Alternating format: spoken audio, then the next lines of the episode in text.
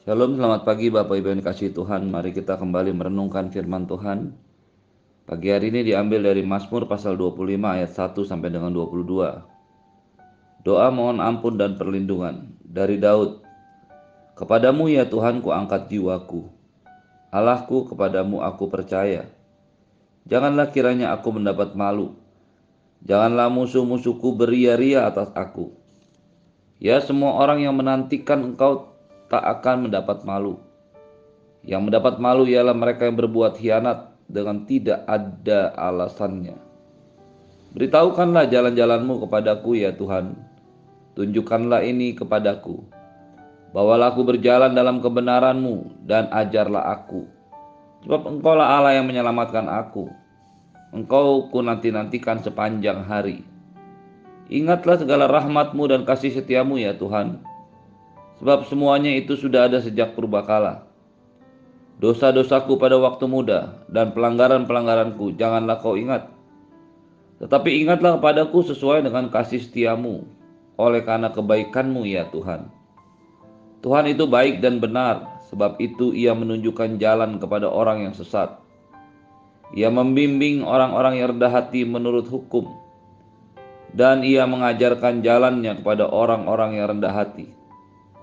Segala jalan Tuhan adalah kasih setia dan kebenaran bagi orang yang berpegang pada perjanjiannya dan peringatan-peringatannya. Oleh karena namamu ya Tuhan, ampunilah kesalahanku, sebab besar kesalahan itu. Siapakah orang yang takut akan Tuhan? Kepadanya Tuhan menunjukkan jalan yang harus dipilihnya Orang itu sendiri akan menetap dalam kebahagiaan dan anak cucunya akan mewarisi bumi. Tuhan bergaul karib dengan orang yang takut akan dia dan perjanjiannya diberitahukannya kepada mereka. Mataku tetap terarah kepada Tuhan sebab ia mengeluarkan kakiku dari jaring. Berpalinglah kepadaku dan kasihanilah aku sebab aku sebatang kara dan tertindas. Lapangkanlah hatiku yang sesak dan keluarkanlah aku dari kesulitanku Tiliklah sengsaraku dan kesukaranku, dan ampunilah segala dosaku. Lihatlah betapa banyaknya musuhku dan bagaimana mereka membenci aku dengan sangat mendalam. Jagalah kiranya jiwaku dan lepaskanlah aku. Janganlah aku mendapat malu sebab aku berlindung padamu. Ketulusan dan kejujuran kiranya mengawal aku, sebab aku menanti-nantikan engkau. Ya Allah, bebaskanlah orang Israel dari segala kesesakannya. Bapak Ibu yang kasih Tuhan, Mazmur 25 adalah sebuah doa seruan meminta pengampunan sekaligus perlindungan dari Tuhan. Daud menempatkan dirinya dalam satu posisi yang benar di hadapan Tuhan. Yang pertama, dia berkata, "Kepadamu ya Tuhan, ku angkat jiwaku." Allahku, kepadamu aku percaya.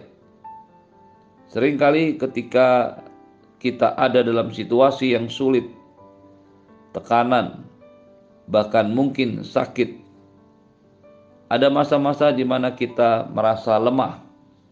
Ada keadaan-keadaan di mana kita merasa apa yang kita percayai, apa yang kita harapkan dan kita doakan itu tidak terjadi dalam hidup kita. Penting untuk setiap kita melakukan apa yang firman Tuhan tuliskan seperti yang dinyatakan oleh Daud. Kepadamu ya Tuhan ku angkat jiwaku. Allahku kepadamu aku percaya. Keputusan untuk mengangkat jiwa, keputusan untuk percaya kepada Tuhan adalah sebuah keputusan yang akan menentukan perjalanan hidup kita Apakah berakhir dalam kemenangan atau dalam kekalahan? Dalam kekalahan.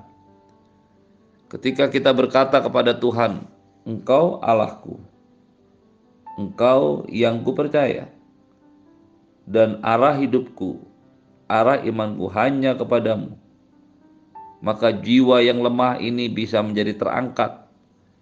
Pengharapan yang mulai pudar menjadi bersinar kembali karena kita tahu kita berjalan bersama-sama dengan Allah. Semua orang yang menantikan kau tidak akan mendapat malu. Karena yang mendapat malu ialah mereka yang berbuat hianat dengan tidak ada alasannya. ketika kita mengambil keputusan untuk mengangkat jiwa kita, lalu mempercayai Allah, maka kita akan terus menanti-nantikan Tuhan sepanjang hari. Ketika kita berpikir bahwa Tuhanlah satu-satunya penolong, juru selamat, maka kita akan mengarahkan hati dan hidup kita hanya kepada Tuhan saja. Bukan satu perkara yang mudah tentunya, tetapi keputusan tetap ada di tangan kita. Apakah kita menjadi lemah, terbuai, tertekan, terintimidasi dengan keadaan, atau kita akan kembali terus mempercayai Allah, mengangkat jiwa semangat pengharapan yang mungkin mulai pudar, dan kembali melihat hanya kepada Tuhan. Semuanya akan terjadi ketika kita tahu kasih dan setia dan kebaikan Tuhan nyata dalam hidup kita. Beritahukanlah jalan-jalanmu kepadaku ya Tuhan, tunjukkanlah itu kepadaku. Bawalah aku berjalan dalam kebenaranmu dan ajarlah aku. Sebab engkaulah Allah yang menyelamatkan aku, engkau ku nanti-nantikan sepanjang hari. Ingatlah segala rahmatmu dan kasih setiamu, ya Tuhan. Sebab semuanya itu sudah ada sejak zaman purbakala. Ketika Anda dan saya mengalami masa-masa sulit dalam hidup kita, tekanan, kelemahan. Ingatlah bahwa kita ada karena kasih setia Tuhan. Kehidupan kita berawal dari rahmatnya. Itu sajalah yang harus kita andalkan dan kita percayai. Bahwa rahmat dan kasih setia Tuhan. Itulah yang dilakukan Allah sejak dahulu kala. Ketika kita melihat apa yang Tuhan lakukan dengan manusia pertama dan istrinya di Taman Eden Ketika Tuhan menyiapkan segala sesuatu yang berguna bagi kehidupan, baru kemudian Ia menciptakan manusia. Itu adalah kasih setia dan rahmat Tuhan. Tanpa sebuah permohonan doa, tanpa sebuah harapan, tanpa sebuah teriakan yang ditujukan kepada Tuhan oleh manusia yang pertama dan istrinya, Allah lah yang menciptakan dan menjadikan semua yang berguna bagi kehidupan manusia. Ketika Anda dan saya menyadari ini, ketika kita menyadari kebenaran ini, maka kehidupan kita akan menjadi lebih baik di masa yang akan datang. Ketika kita belajar mempercayai Allah, menanti-nantikan Tuhan dalam kesulitan, dalam tekanan, atau mungkin dalam kelemahan kita. Jalan-jalan Tuhan itu adalah jalan-jalan yang membawa kita dalam kebenaran. Tuhan itu baik dan benar. Dia bukan hanya sekedar baik menunjukkan kasih setia rahmatnya, tetapi dia juga adalah Allah yang benar yang membawa Anda dan saya berjalan dalam kebenaran. Adalah sebuah kewajiban bagi setiap orang percaya yang sudah mengalami kebaikan Tuhan, kasih setia Tuhan, untuk berjalan di dalam kebenaran. Karena Tuhan yang memberitahukan jalan-jalannya kepada kita. Tuhan akan menunjukkan kepada kita apa dan dari mana kita harus memulai kehidupan ini.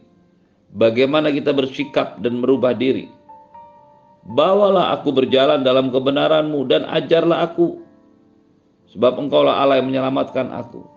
Penting untuk setiap kita memastikan hidup yang Anda dan saya jalani setelah menerima kebaikan Tuhan, setelah menerima kasih setia dan rahmat Tuhan adalah hidup oleh karena kebenaran.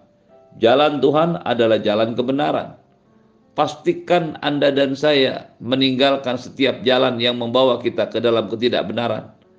Baik itu berupa sifat dosa, kebiasaan-kebiasaan buruk, kata-kata kotor, kata-kata yang menyakitkan, tindakan yang jahat, bahkan pemberontakan-pemberontakan hati kepada Tuhan, kekerasan hati. Semua itu bukanlah jalan kebenaran yang ditunjukkan Tuhan kepada kita. Ajar aku, sebab engkaulah ya Allah yang menyelamatkan aku. Penting buat setiap Anda dan saya memposisikan diri sebagai anak-anak Tuhan yang mau selalu diajar. dalam setiap keadaan, dalam setiap waktu, dalam setiap level atau tingkatan rohani. Pastikan Anda dan saya tetap mau, tetap senang untuk diajar oleh firman Tuhan. Jangan terjebak ke dalam stigma bahwa apa yang dilakukan Tuhan yang sudah sempurna di atas kayu salib menghilangkan tanggung jawab kita untuk berjalan bersama-sama dengan Tuhan, berhalaka dengan Tuhan, menikmati persekutuan dengan Tuhan yang intim dan manis. Dan itu juga berarti mengizinkan Roh Kudus untuk mengoreksi kehidupan kita, bukan hanya secara simbolik, bukan hanya sebagai sebuah kata-kata atau deklarasi iman ketika setiap orang percaya berkata, "Engkau adalah Tuhan yang memimpin hidupku." Pastikan dia bersungguh-sungguh memimpin hidupku Pastikan dia bersungguh-sungguh memimpin hidup kita. Dan itu juga berarti memberikan kesempatan kepada Roh Kudus untuk berjalan di depan kita dan kita ikuti dia. Memberikan kesempatan kepada Roh Kudus untuk mengingatkan kita akan kebenaran, akan penghakiman dan akan dosa. Mengingatkan kita akan semua hal yang harus kita tinggalkan dan lepaskan dan ubah dalam hidup ini. Adalah sebuah kemunafikan ketika seseorang berkata mengikut Tuhan, berjalan dipimpin oleh Tuhan, tetapi masih hidup dalam ketidakbenaran. Tentu saja kita akan melewati tahapan demi tahapan kebenaran sehingga kita mencapai kesempurnaan iman dan roh kita di dalam Tuhan. Tetapi setidaknya Anda dan saya sedang berjalan dalam kebenaran. Hidup semakin benar, kata-kata semakin benar, sikap tindakan kita semakin benar. Ketika itu terjadi, maka apa yang dituliskan oleh firman Tuhan, bagaimana Tuhan mengajar kita jalan-jalan kebenaran, itulah yang kita lakukan dalam hidup kita. Dosa-dosaku pada waktu muda, pelanggaran-pelanggaranku, janganlah kau ingat. Tapi ingatlah kepadaku sesuai dengan kasih setiamu oleh karena kebaikanmu, ya Tuhan. Tuhan itu baik dan benar, sebab itu ia menunjukkan jalan kepada orang yang sesat ia membimbing orang-orang yang rendah hati menurut hukum. Ia mengajarkan jalannya kepada orang yang rendah hati. Ketika Tuhan dengan kasih setia dan rahmat yang besar menyelamatkan kita, lalu menunjukkan kepada kita jalan yang harus kita tempuh, maka kita harus mulai membereskan dosa-dosa dalam kehidupan kita.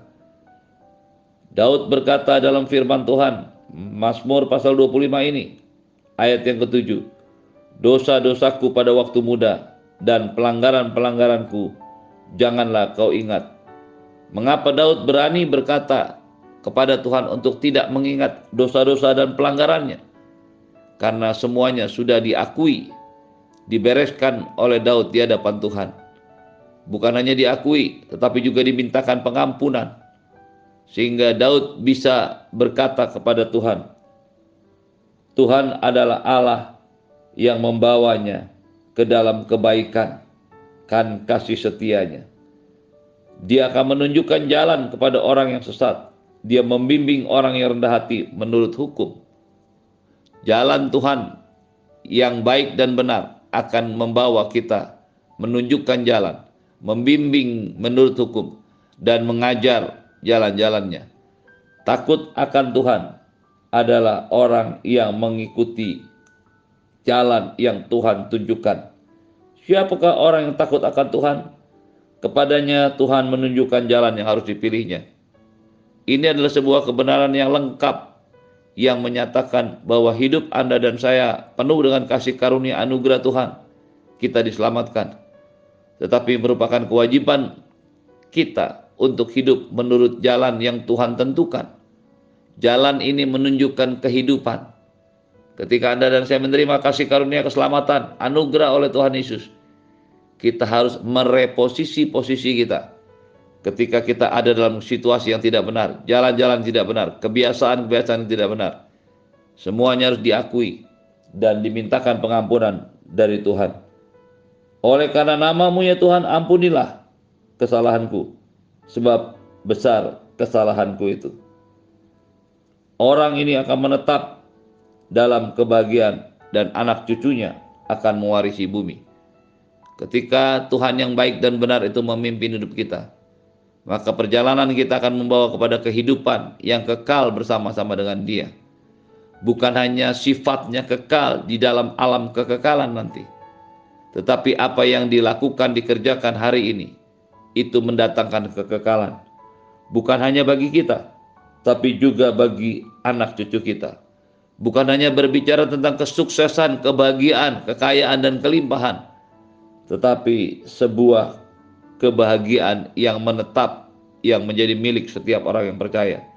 Karena Tuhan bergaul karib dengan orang yang takut akan Dia dan perjanjiannya diberitahukan kepada mereka yang dekat dengan Tuhan. Semakin dekat Anda dan saya dengan Tuhan, semakin dekat dan intim kita dengan Tuhan, semakin Tuhan menunjukkan jalan yang harus kita tempuh. Semakin banyak yang harus kita rubah dan perbaiki dalam hidup kita untuk membawa kita kepada kekekalan, kesempurnaan iman di dalam Tuhan. Terimalah berkat yang berlimpah dari Bapa di surga, cinta kasih dari Tuhan Yesus, penyertaan yang sempurna dari Roh Kudus, menyertai hidupmu hari ini dan sampai selama-lamanya di dalam nama Tuhan Yesus. Semua yang percaya katakan amin. Shalom, selamat pagi, selamat beraktivitas. Tuhan Yesus memberkati.